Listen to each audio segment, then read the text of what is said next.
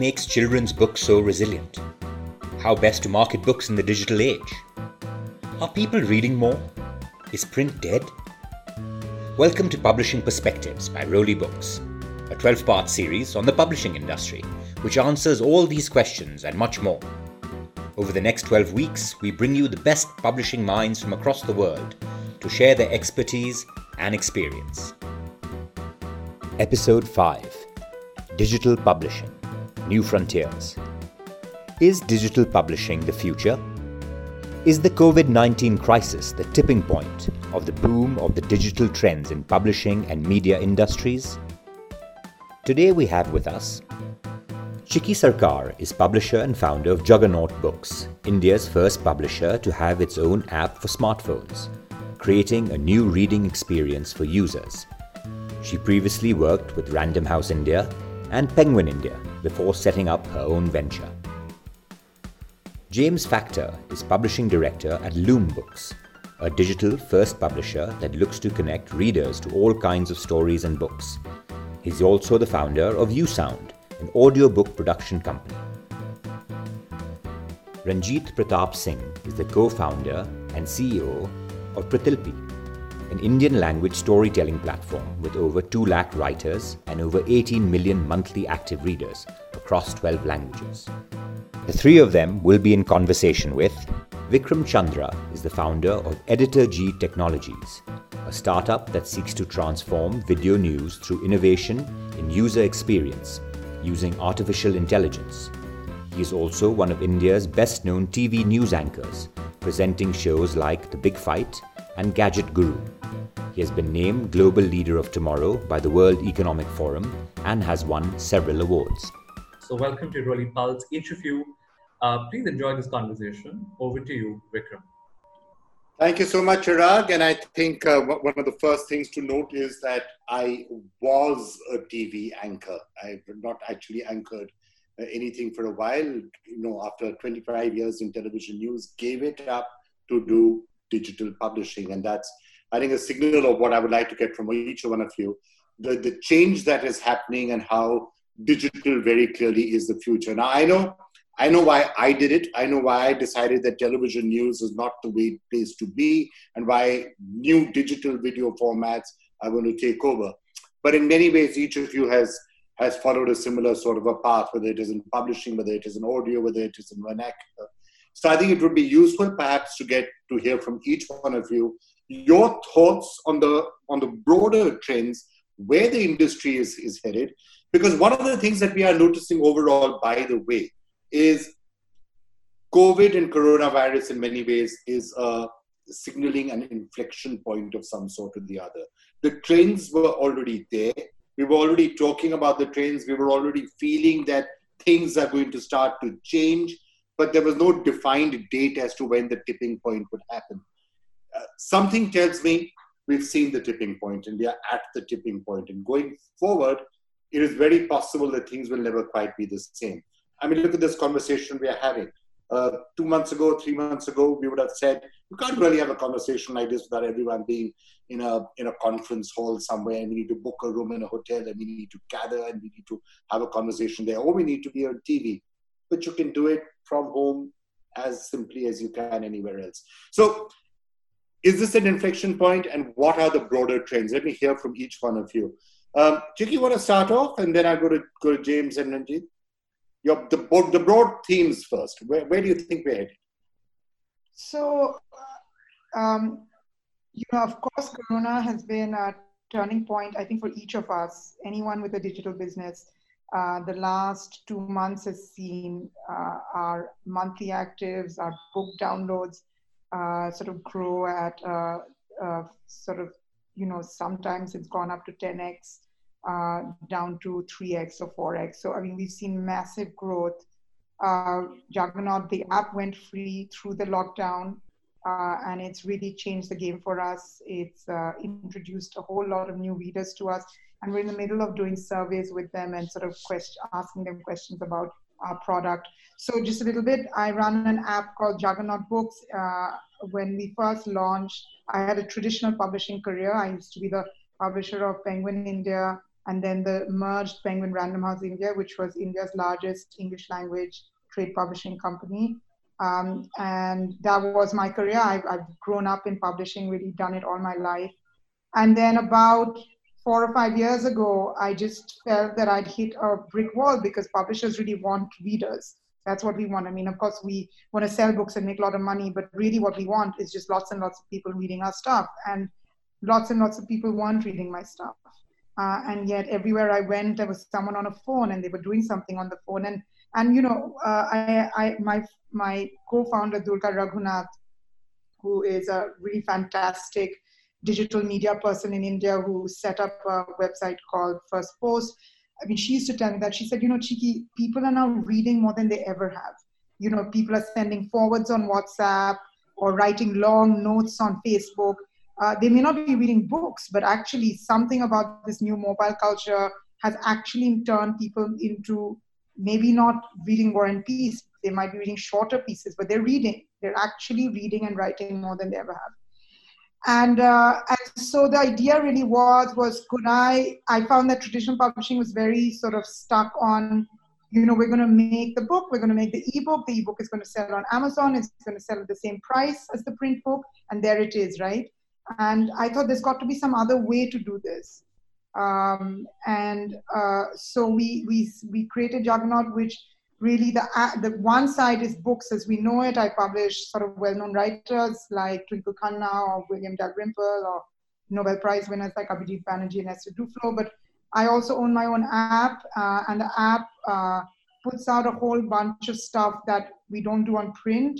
Uh, and they, we do subscriptions, we do very low prices. We also have a writing platform wholly inspired by Pratilipi uh, where we ask. Uh, so they very much are people we followed and admired. So I'm thrilled to be in this panel with you, Ranjit. We've never actually met, and I hope we can at some point. Uh, and uh, we love what they do. And the the, the Pratilipi uh, idea was to make it democratic. Anyone can be a writer, and you and and the, you don't need to go through a publishing house. You should just be able to upload your piece, and people can read it. And they've created a revolution, really. And Juggernaut is very, very behind in that revolution, but we're hope following and inspired by them. And so the app does that too. So, um, so that is Juggernaut, the business. Corona has certainly upped the game for us, right? Uh, but I, there are still a number of questions for us because the one thing that I'm very keen on is that I don't, don't just want to create content that I want people to read for free. I want a monetary, I want a, a payment model uh, what is that model going to be? And for us, we believe it's a subscription. And in fact, we've had some very interesting insights. We can talk about that later about what people are willing to pay and what they see as a value for digital. But that piece of the pie I hasn't, you know, so what has happened this this last two months is I've become bigger. There are more people on my app, they're reading me. More people know about me. But have I solved that fundamental problem, which is getting people to pay for my material? I'm not sure I have. I think I've come close to having some more answers, but I'm not sure I've solved it. So that's where I am. I'm not seeing my life in the positive way you are, Vikram. I'm seeing it as a, a massive jump up, but still quite a way to go. Yeah, I mean, I don't think anybody's really solved monetization. If that's the question you're asking. So I think everyone is still, you know, struggling with that and trying to trying trying to figure it out. So, uh, before I come to Ranjit and figure out what was there in, in Pratilipi that really inspired you, James, why don't I come to you? So, audio, how is that different, and and in which ways is other trends moving there? If you could sort of paint the bigger picture for us. Then. Yeah, sure. Well, thanks, Vikram. Um, I mean, with audio, just a bit of background maybe on on USound as a concept. So, as publishing director of Lume, we were doing ebooks and print, and we hadn't really thought about audio at all because we were really a, a smaller sized indie publisher. And even though we were digital, we weren't really sure whether audio was something for us and whether it was just a kind of, you know, big, bigger name venture to get into. Um, and then just started researching different um, platforms that could provide that service and speaking to to different actors who were wanting to get involved in audio because it was a growing part of the market and it's been growing now for the last five years. And I think with Corona coming now and um, the lockdown that we're all experiencing, people are thinking a lot more about how they get their audio content and how they get it produced. And fortunately, USound was really looking into that prior to to lockdown and looking at ways of really um, innovating the whole uh, larger um, production studio setup that was in place where the publishing companies would go to to big studios and they would buy them out and and spend a long time uh, on the production. And the, the thinking of USound is that you can replicate the quality of an audiobook in someone's home. And and that's what we're finding now that you can get a lot more done uh, at home than we ever thought possible. And people have very sophisticated uh, home setups. They have studios. They've got microphones now, which are incredibly powerful, and they can replicate a top quality audiobook. So that was really just um, the idea to bring together actors and narrators, and then smaller publishers who perhaps would struggle to for the cost of getting an audiobook done because it was so expensive for some people. And now seeing more people uh, taking up the service because print is now seeming to be, uh, you know, at least paused for a lot of publishers, maybe even completely re-evaluated how people do print. Audio, I think, is something that people are willing to really take a chance with, and and if um, if they feel that they can make a return on it as well, and if they see that there's you know double-digit growth each year, it's something now um, which I think is accelerating, as you said, Vikram. And these trends were starting, but it's really starting to see um, as I said, an acceleration of, of that process coming through. Right, um, Ranjit. Let me let me toss to you, and and uh, again, when we're looking at trends, uh, you know, some things like vernacular and different languages and giving people stuff in their own languages was was again a trend. Has it accelerated now? And but again, like everyone else is doing, it would be good if you could set the overall landscape for us, or what you're doing with the people. So I think, I think first of all, broadly you're right. Uh, a lot of people have talk, started talking about a lot of different things because of COVID. But all that COVID has done is accelerated some things which were already happening. Uh, it doesn't matter if you're talking about video consumption, we are talking about digital reading, we are talking about any other kind of digital products, uh, medicine delivery, and whatever. So all of these trends are already visible for at least a couple of years. It's just that COVID has given these businesses a little bit of a boost, uh, just like it has given like a lot of other businesses a little bit of a stop.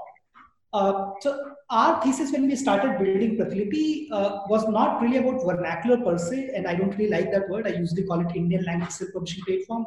But the broader thesis was this: that what internet does more than anything else is that it makes cost of distribution very very low. So cost of creation might still be there if you are creating the same kind of content, but the cost of distribution is very close to zero essentially on a marginal basis. What that means is that you can actually entirely reimagine the model. Like Airbnb is not exactly a copy of like a Taj or a different hotel chain. It's reimagining of hotels for the modern world based on internet. There could be a lot more hotel room possible because of Airbnb. Similarly, a Uber or a Ola is not about building just another taxi service on app. It's about reimagining what car sharing means altogether.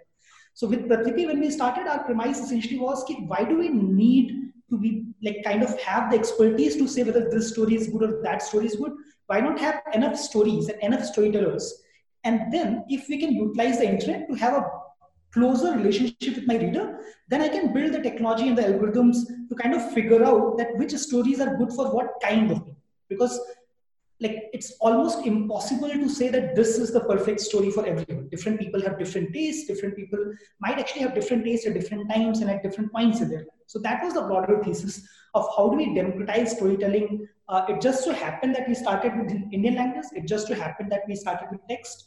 But for example we launched so actually by the way we now have 18 million monthly active users not 12 uh, and this doesn't even take into account the audio product or the comic product. So we launched our comic product about two months back.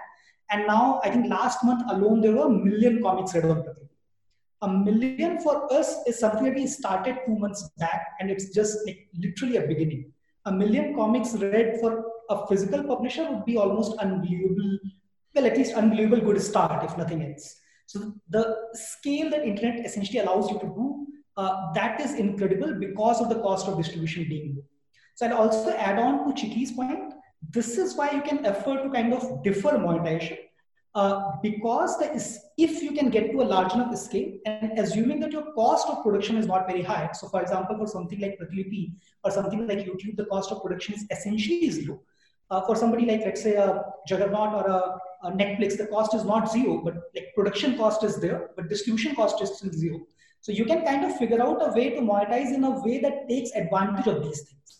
So what, for example, Juggernaut did, in my opinion, that's right strategy because your cost of distribution is zero and cost of production is something. It makes sense to subsidize the price, but not subsidize the price to zero, which is essentially what Netflix does, for example. So like Netflix, a subscription will be much lower than a movie-going subscription, uh, but it will not be zero. Unlike a YouTube, for example, because the cost of production is zero, so they can afford to monetize at zero and still make almost as much money as Netflix. So I think we have to kind of fundamentally think about what we are doing according to the changed landscape or at least changing landscape. So that's at least broadly our thesis uh, that how do we kind of build storytelling platforms of the future depending on what is already happening and not worrying about too much about short-term uh, things which might be good or which might be bad. Right. That's that. That's really that that that's really interesting. And you know, maybe uh, you know, following on from what what Chirag was saying, I'm going to maybe jump in a little bit and give a little bit of an outline as to why what we are trying to do at Editorji in video, which is some which is linked and not entirely dissimilar to the stories I've heard from all three of you. And I think all of us are approaching the same issue from slightly different angles. So when it comes to video, I think it's been very clear for a while that the models are completely broken, more broken than they were in, in let's say, in, in digital publishing, in text or any other areas. In video, the models have been broken because video news has video news and information are largely meant television channel, television news channels, which are basically not getting any subscription money. They're paying carriage fees. Their cost base is very high. They have to chase advertising. To chase advertising, you've got to chase TRPs. To chase TRPs, you've got to shout and yell at people on TV screens and you know just yell and shout and do all that the, the stuff that we well I'm not sure that we love it so much, but that's that's the way you get TRPs, right? That's the way to push it. So I spent a lot of time, having spent 20, 25 years in TV news, I said, this is obviously not the way the future is going to be. There has to be a better path. So if it is not television and it's not linear in that way, which is the future that digital is going to, to take and how does digital video start to roll, to roll forward? And I think to take off from what you were saying, Ranjit, uh, I, in many ways we have to find the appropriate form factors because what's been happening on digital video news, for example, a lot of people are just taking television news channels and streaming it live. Now, if you're taking the same experience on television and saying that's what I'm going to give you on my mobile phone, why would somebody do that, right? That's not logically the right way to go. And if you're saying, okay, we're going to give you on video on demand, now you've got to come and tap 10 different stories and watch them in video because that's what happens in text. Again, that will not work because in text, I can scroll up and down 20, 30 headlines, find the story I want and tap on that and do it. Video, you can't do that. So I think the secret for how the world is going to move is you're going to take the best of, okay, this is what used to happen in TV news, this is what happening in text, this is what happens in other things, and then put it together. And our inspiration, for example, of the answers that we found, strangely enough, came from the music industry because just as the music, TV news is like radio, uh, digital video news till now is like cassettes and CDs, where you you can find the story that you want, but it's a pain to do it. And we said Spotify and others have found the answer in music, where you can have lots and lots of little pieces of information, and you string them together in a playlist, and you use AI to almost create newscasts that are relevant for different people. And you find that answer and you start offering it to people. So that's at least the path that we took on video.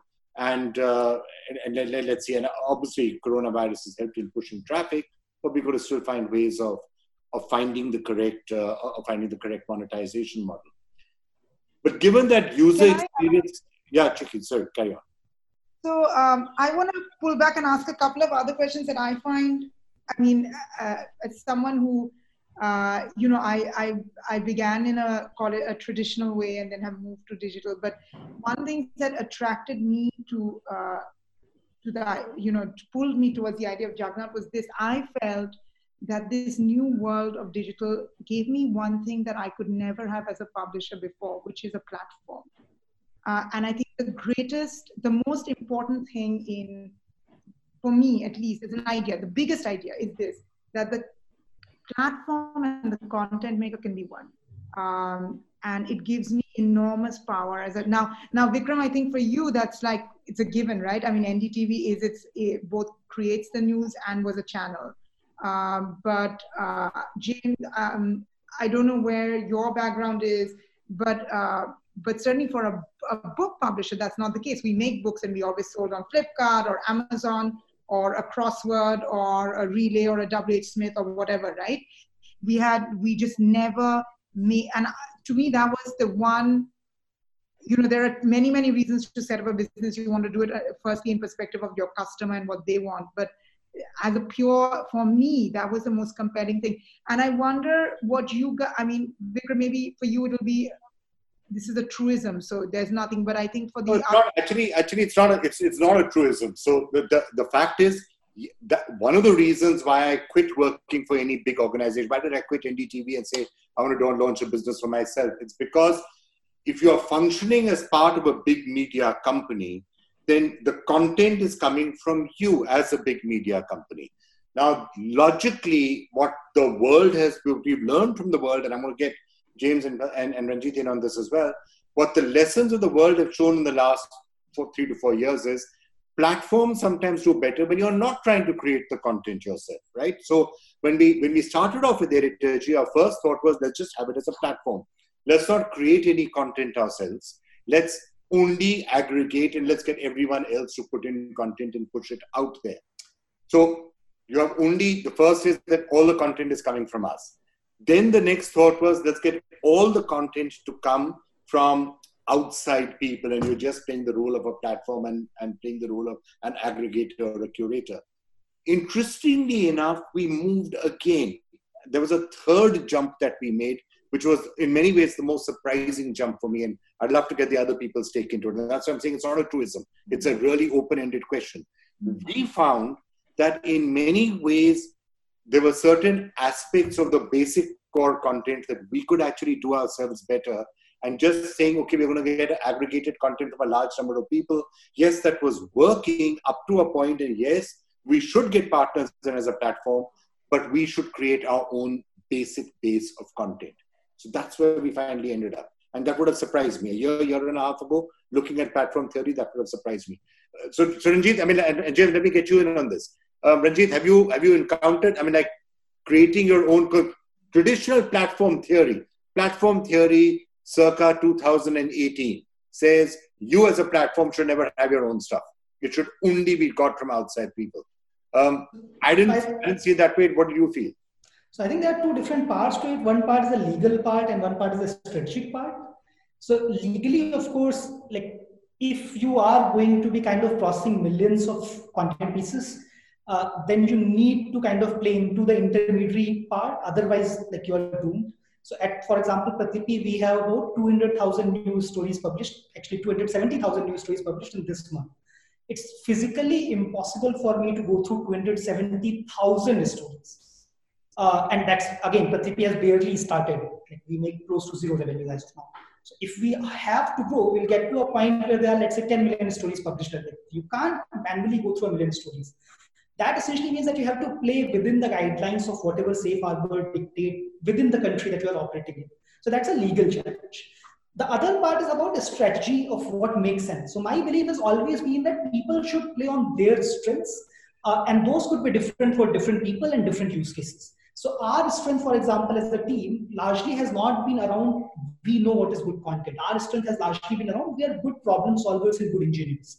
So it makes sense for us to over-index on technology versus trying to over-index on I know what is a good story. Versus if I had the skill set of Chiki, for example, I wouldn't have built Pratilipi. I would have tried to build something like a Juggernaut or Netflix uh, or a slightly hybrid model, which is, I think, what you are trying to do, where maybe I'm utilizing technology, but I'm utilizing my expertise in figuring out what is great content as well and leverage on that. Like, I cannot win against someone who is much better at technology if my strength is basically what is good content. So I think from a strategy point of view, it's largely about playing your low strengths. So a Disney is successful and a Netflix is successful for entirely different reasons, and both of these are great companies problem happens when you essentially try to do or try to play a game where you don't really have the strength. So then, of course, you are going to lose. So you should be playing a game where you have a reasonable chance of winning.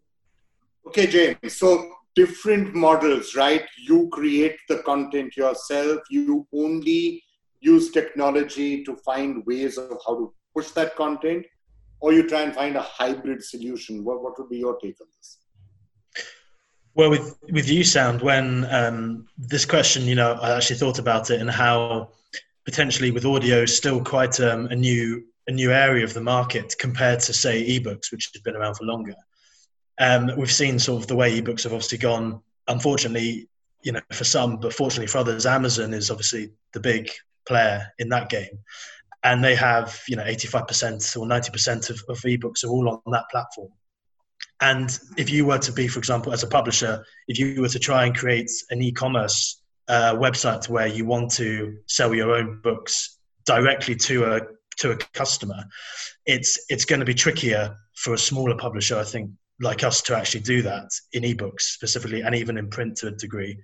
But with audio, it's it's exciting because I think even though the Audible is a big player in the game, it's not everything about audio and there's there's a lot of um, the global aspect of it is there's a lot more there's a lot of other audio platforms out there which are doing really well. And you mentioned spotify there and their model and how they do things. That when they get into audiobooks i think that it's going to be very successful and how they monetize that and how they use you know snippets of three minutes of length of, of audio and then you you stack it up and then the author gets reimbursed directly through that process but I, and I think USound at some point will look into doing that and having a hybrid model, as you say, where you can have the narrators who can can work and they can speak directly to authors to get the work done, and then you arrange a setup where you keep the content on the platform and and look at a way to monetize it. The issue is it, it's obviously a lot of investment and time to look into the tech side of that if you are smaller but it's certainly more exciting th- than it is in other areas and, and something that could definitely be um, looked at in the future. James, I want to ask you one of the things I've noticed big differences in I, I whenever I meet uh, publishers who are doing really unusual things abroad, um, and then when I meet people in India, there's been some, you know, Pratilipi of course has started it, but in the West, I see a real with people like you that, that there's a hesitation to set up your own platform. So the the the innovation comes in being digital first or making that commitment or making only a digital product. So the jump is that you know you no longer work in a call it you know a, a world of making stories and books that are only print. And that's the big leap and that's the innovation but no one is saying let's have our own platform right while there was Pratilipi who went ahead and did it and i i mean you know, I, I don't, I'm, I'm, I'm actually, you know, I, my digital awareness before I started mm, Juggernaut was like nothing. I just didn't even overthink it. I was like, yeah, of course, we should try it. Let's do it, right? What do you think? Why do you think in India there's this gung ho? I mean, for me, call it foolishness and lack of thinking or whatever it is. But uh, and you know, we play, we still work with Amazon, so I have a print list that goes on Amazon. Uh, my ebooks of my print list goes on Kindle but I have a very now uh, much a substantial digital original catalog that I don't put out on Kindle, and I don't give Kindle my ebooks to be put on subscription. So, but I can put my ebooks on my own subscription. They're right. beginning to pass now. There's going to be a moment where they start getting mean with me. I can just bracing myself for that moment, but I'm at the moment I'm too small. But I want to ask Oliver: Is there something about the Indian Indian case that allows whether it's Ranjit, who's an engineer who says, I want this and I'm going to make this platform, or Vikram or me, who says, you know, yeah, I mean, and worked pretty much in conventional spaces. And, you know, now that we've set up, we said, yeah, of course we'll have our own platform. But there are, you know, there, there do seem to be larger barriers to do that in the West and I think it's one of the big cultural things I see. I don't know whether you guys actually, I, Chiki, if I may interrupt, uh, you're the first person who has said that as Indians we move ahead faster. So every time that I have met uh, like people from tech arena, which could be investors or founders or even operators like executives, right, who are hired at a senior level as CXOs and things like that. Uh, what I have always heard is that India is a laggard in terms of taking those big bold risks, especially in established industries Uh, so like people have often touted that Hotstar is a big example who basically said like from start that they are going to do it like properly in a tech manner. Everybody who launched their own video platform, they still launched it like uh, how Vikram was talking about. We already have this TV content, let's just put it out. Like, that's it. There's not that much investment or thinking as a tech company perspective. So I think at least I think like 80% of Juggernaut's focus seemed to be like we have to actually natively adapt to technology. It was not just that there is some technology that we plug and play here. So I think like there are a couple of exceptions, Juggernaut, Pratilipi, uh, Hotstar, but by and large, India has actually been a lot less risk taking with respect to this uh, than almost every area in the world, except for Europe. So I think Europe has been largely fairly tech averse uh, in consumer just like India. But US and China have, I think, and Southeast Asia have been significantly ahead of uh, like India at least. Well, you know, yes and yes and no. I mean, I wouldn't knock it too much because I, I mean, I do remember way back in something like 2006, 2007, when, for example, the iPhone was launched and apps started to come. So at that time, I was still at NDTV, and I and I remember we launched just about the first news app anywhere in the world. And Apple came, Apple, Apple came out here and they said, how is it that you guys have been able to figure out how to do this and how to leverage the app ecosystem? And we haven't been able to persuade the big, uh, you know, American networks and others to do it. So it's there are times when we lead, there are times when we lag. So you know, I, I guess it depends. But uh, James, you want to you want to take on what Chiki was saying? Yeah, I, do, I mean, stealing your question. No, it's all it's fine. It's um that I mean that that all makes sense actually, Chiki. What you say about I think certainly in the UK anyway, that's all I can really speak to is there. I think there is a, a stranglehold on that kind of that innovation and that that um, that that mindset to really take ownership of, of the content that publishers have, and as you know, it's it's unfortunate in a way because it it's a it's a chicken and egg situation, isn't it? Because I mean, Amazon is so dominant, not just in books, but in, in all of our in the UK as a as a cultural institution, it's sort of loathed by a lot of people, but also they use it all the time. And so, changing the rhetoric around it, I think, is really important about trying to this mindset that you can take on um, creating a platform that you have your own content on. And I think the one real um, strength to that would be that the connection now with with social media, the marketing side of it. I mean, I don't know what either of you think about that, but it's becoming so much more finessed and and um, social media marketing in particular, you can really get to know your readership far better than than at any point, and that just keeps getting stronger and stronger each year, even each month. It changes so quickly. And the groups now, I mean, with um, particularly with lockdown now, I think one thing that really has accelerated is those online reader groups are really starting to foster their own identity and and start to become not just a kind of you know off spin to to print and to to reading groups in person but as a thing in their own right. And i think creating a dialogue between those groups as a publisher is be, is going to become more and more important if you want to thrive and if you want to make use of your own content to its to its best potential. Right i want to before we before we start running out of time I just want to throw the, one of the first things that UK actually had thrown out for all of us was the question of monetization and I want to get everyone's sense on that because Ranjit, let me let me in fact start with you. So, look, we hear about the advertising model now. Programmatic advertising, we know it tends to deliver next to no money, uh, very low rates. So, what's the point of going that entire thing now? Subscription. Um, are Indians going to be paying subscription models? Are they not going to pay, pay a subscription model? It's an open-ended question. Globally, some of the most successful businesses have ended up being, being subscription business, whether it's Netflix or Spotify, whoever it is. They do get all the money from, from subscriptions at the end of it, not so much advertising.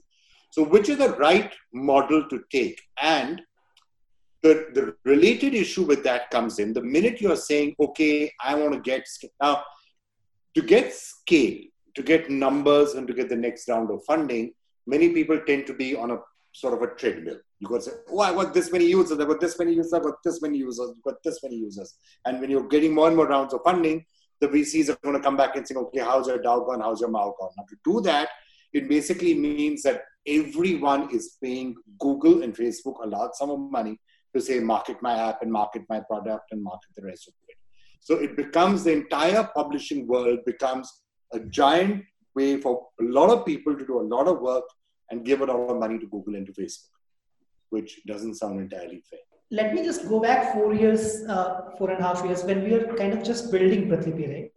At that time, people were essentially saying a wide variety of things, including nobody's ever going to read on mobile, uh, which sounds funny in retrospect, of course. But at that time, uh, these were the experts. A lot of people were saying that nowhere in the world have people ever paid for digital content. Uh, so at that time, Netflix were making some money, but like not unreasonable amount of money. Same for Spotify. People are still not sure if SoundCloud is going to win or Spotify is going to win.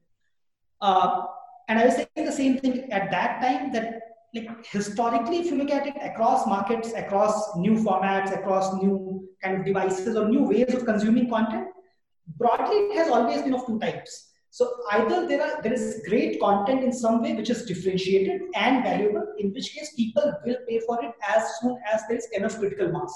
So you have one movie, I'm not going to pay you a subscription, but give me a hundred thousand great movies, then sure, take my money. So like what essentially happened with Netflix is largely this: that as their catalog keeps on increasing and increasing and increasing, uh, the number of people who are willing to give them money is actually fine, and the quality of this content is now getting almost at par with like what the typical HBO would produce. So Game of Thrones is still probably the biggest spectacle in the world, but Netflix modern shows are actually getting very close to Game of Thrones level quality. And then of course more people will pay. Same for Spotify, same for other people. Uh, similarly, for ads, the problem is that you have to compare it with the usage numbers. You can't say I have 5 million users if they're spending a minute on the platform. So the reason why television ke 10 million users are unique or valuable largely has been because these users are spending a lot of time as well. So on a digital, for example, take a newspaper, let's say. So you might have 80 million visits, but these visits come from 50 million people who are spending a minute or two minutes on your platform. So first of all, because the, a large number of users are spending uh, far fewer visits, so they're not directly going to pay for it. Secondly, because they're not spending that much time, so your ad dollars are not going to be as valuable. So when people look at Facebook revenue or Google revenue, what they mistake is that they compare versus their DAU or versus their MAU. What you should be comparing against is versus their total time spent, which should be much, much higher. So for example, for Pratilipi, we only have about, as I was saying, like 18 million monthly active users. And we are already more than twice the size of Medium, which has 60 million monthly active users. If you look at the time that people spend reading on So that's Can I pick up? So, but where is the, I mean, it's amazing, right? Firstly, wow. But where, now, where does the, where are you making your money? And uh, and let's let's pull back. Where are you making the money now and where do you think you will make the money right? Because sure. you're playing the big future game right? I mean that's sure. yeah. so for us i think pratilipi as a company is taking a slightly more long-term game. So our money we believe will come from like three different sources. So primarily it will come from uh, so in the short term which is like three to five years i think primarily our money will come largely from 99% content remains free. There might be some ads but that's not going to be the focus uh, there is 1% or 2% premium content which is proven by like how many people love that content uh, or how many people love that reader. So their next content is valuable where you can either pay 5 rupee or 10 rupee to read their next chapter or you can buy a 50 rupee subscription and you get access to all my comics all my audio all my uh, like ebooks and everything else that we'll be launching over a period of time. So that micro transactions plus subscription becomes a big source of revenue for the next three four five years that's a part that we haven't yet started. So we have just started some experiments, but I think it's still at least a year away before we focus on this. The second part, which we believe would be a lot more valuable 10 years out, is essentially getting the rights to the best stories. So historically, what has happened is that people had to kind of guess from their judgment which stories are the most popular. And sure, sometimes you'll get it right, but so, sure, sometimes you'll also get it wrong. Like for some of the best writers, for example, let's take J.K. Rowling or R. Martin, they actually kind of found it hard to get published early on. So yeah, I mean, we can actually Bhagat and Amish Tripathi. I mean, India's yeah. top-selling writers have all been exactly, exactly. Now, what if we can get consumers actually closer to authors and we can build their brands and we can build the data models to predict who is the next Chetan Bhagat, who is the next Amish Tripathi, who is the next R. Martin. So we basically buy their IPs, we share the upside with the writer as well, and then we license that IP from everything from our own comics, our own audio, our own five other formats, and it could be somebody else's formats like a Netflix or a Hotstar or somebody else's. So essentially that IP becomes valuable across formats, everything from merchandising to movies to games to books to everything else. So the broader thesis is a combination of these two. Um, you know, Ranjit, that's so interesting our writing platform, we own all the IP automatically. So when you, I think that's not morally correct. So we will never be doing that. Yeah, we do that, and we've actually started selling some of the film rights on behalf of authors. They get the bulk of the money. We make a commission uh, um, so amount. Get it. Yeah. So in our case, we don't want to do it because we think, first of all, we don't believe that it's morally right. Second, it's not a good long-term strategy. Like someday somebody will launch another Pratilipi and say, we don't take your rights. And that becomes impossible to fight against. So our thesis is that once our data models predict that this story is popular, then we go and buy that IP or an option on that IP from the writers. So we give you some upfront money, very similar to what a traditional publishing or a traditional movie making business does. So we give you some upfront money, and if Pratilipi makes money, then you also get a part of that, like whatever money Pratilipi makes. James, let me get you in. How do how, how, do, how do you make money eventually? Well, I mean, with with with Lume and, and our ebooks, we again, as I said earlier, we're really um, linked to Amazon quite strongly. So we, um, but we, in terms of uh, purchase against um, the subscription model, we we work with the, the, the unlimited model that Amazon has, and we've seen starting to see I think a lot of publishers bringing it back to how um, the situation might change how publishers act in the future. They've been very wary about limiting their books to just Amazon as a platform because um, authors don't like it for starters, and also they feel like they're limiting their their reach when they don't go on other platforms. Um, ebooks, I think, again, it the, the subscription model I think works well, and I think for maybe not for the new books coming out, but for for older books coming up onto ebook, subscription seems to be the best monetization of that because it's it's largely fair as well. You know, you have the subscription pot in the middle, and then you divide it out when you know it's based on how much there is to each author, similar to how Spotify I guess works as well. Um, but with audio, I think at the moment it's still um, very much that the a la carte purchase is, is popular, um, which is somewhat surprising given how much an audiobook can actually be worth. And when we first of compared models about unlimited subscription and one off purchases and flexibility on streaming as well, we thought that the streaming and the flexibility would would make them more money. But actually, people are still willing to pay for a one-off uh, audiobook and that's that's that's interesting at the moment. So i think it will change. I think it will go more towards the ebook subscription spotify netflix model in the future as people as then just more audiobooks get made. It's just inevitable that as ranjit i think was saying as you know the numbers go up with it you can start to, to harness that subscription monetization but for now it's it's still open-ended so I just want to tell you the one biggest learning we, at least the, the particular juggernaut reader we felt, right? So we had always an unlimited subscription thing, right? We said X for the unlimited. And we actually realized that that's the wrong thing because one of the things about book readers, India is not a country of book readers, right? An average person is not reading more than one book a month. That's even a very good reader. I myself, for pleasure, read one book in April while I'm a publisher, right? So where does it tell you? So, and Indians are cost conscious. And so we found that actually the word unlimited put off the Indian reader because they always felt like they were never going to gorge on this and it was not worth their time. So, they, you know, the India, I mean, so it's very interesting. I don't know whether there will be a difference. So, so in fact, one of the things we've been doing in our survey is saying, would you be open to having a two book a month plan and a three book a month plan and an unlimited, right? So which ones would you think? maybe what we'll do is offer all all of them. So we'll we'll say you know you can pay for you know two books for X, four books for X, and an unlimited plan. Most people who are choosing to pay, right? Not everyone says they will pay, but the ones who say the bulk of it are picking two. They said that is within that in their conception of themselves, they think that you know, I'm a two book reader, and it's what that's that's my value for money. Anything else.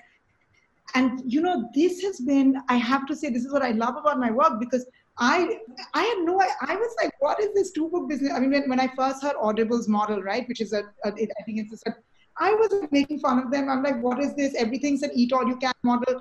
And then this year ma, yeah. ma, literally learning is week learning. I don't know ranjit if you agree you're nodding it has just blown mine and Simran, my CEO's mind, because we just thought, wow, you know, we never thought of best this. part, the best part about thinking about, about digital businesses is that you can rely on data. Data will soon tell you exactly what to what, what to do, and what not to do. All right, look, I, I'm, I'm, I, I know we could carry on, but I'm, I'm conscious of the fact that we are running out of time. So, Ranjit, a quick last word from you, and then let's wrap. Uh, I just think like the last word basically is very similar to what Chiki has been asking, not saying that there are a lot of parts of this equation that we still don't know about. So it's still a relatively new industry. It's still a relatively like very fast moving industry. So I think the next five years it's almost impossible to see what's going to happen.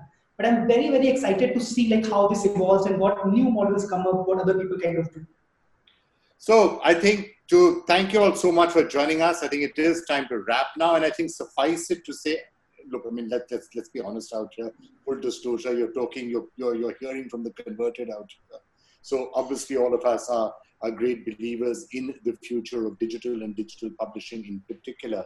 But I think all the trends that we are seeing um, around the world, not just now, but for 10 years, are pointing to the fact that this is where it is moving to. This is what the future is. Now, what the specific form is going to be, who the specific winners are going to be, what the eventual shape of it is going to be three years or four years from now, frankly, nobody can completely predict. And we, I think we're going to have to keep on almost working on it or making it up as we go along.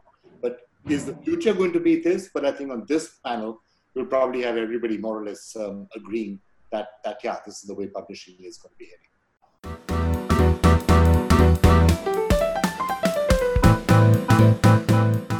Thank you for listening. If you enjoyed this episode, subscribe to Publishing Perspectives. Follow Roli Books on Twitter, Facebook, and Instagram, and give us feedback. We would love to hear from you.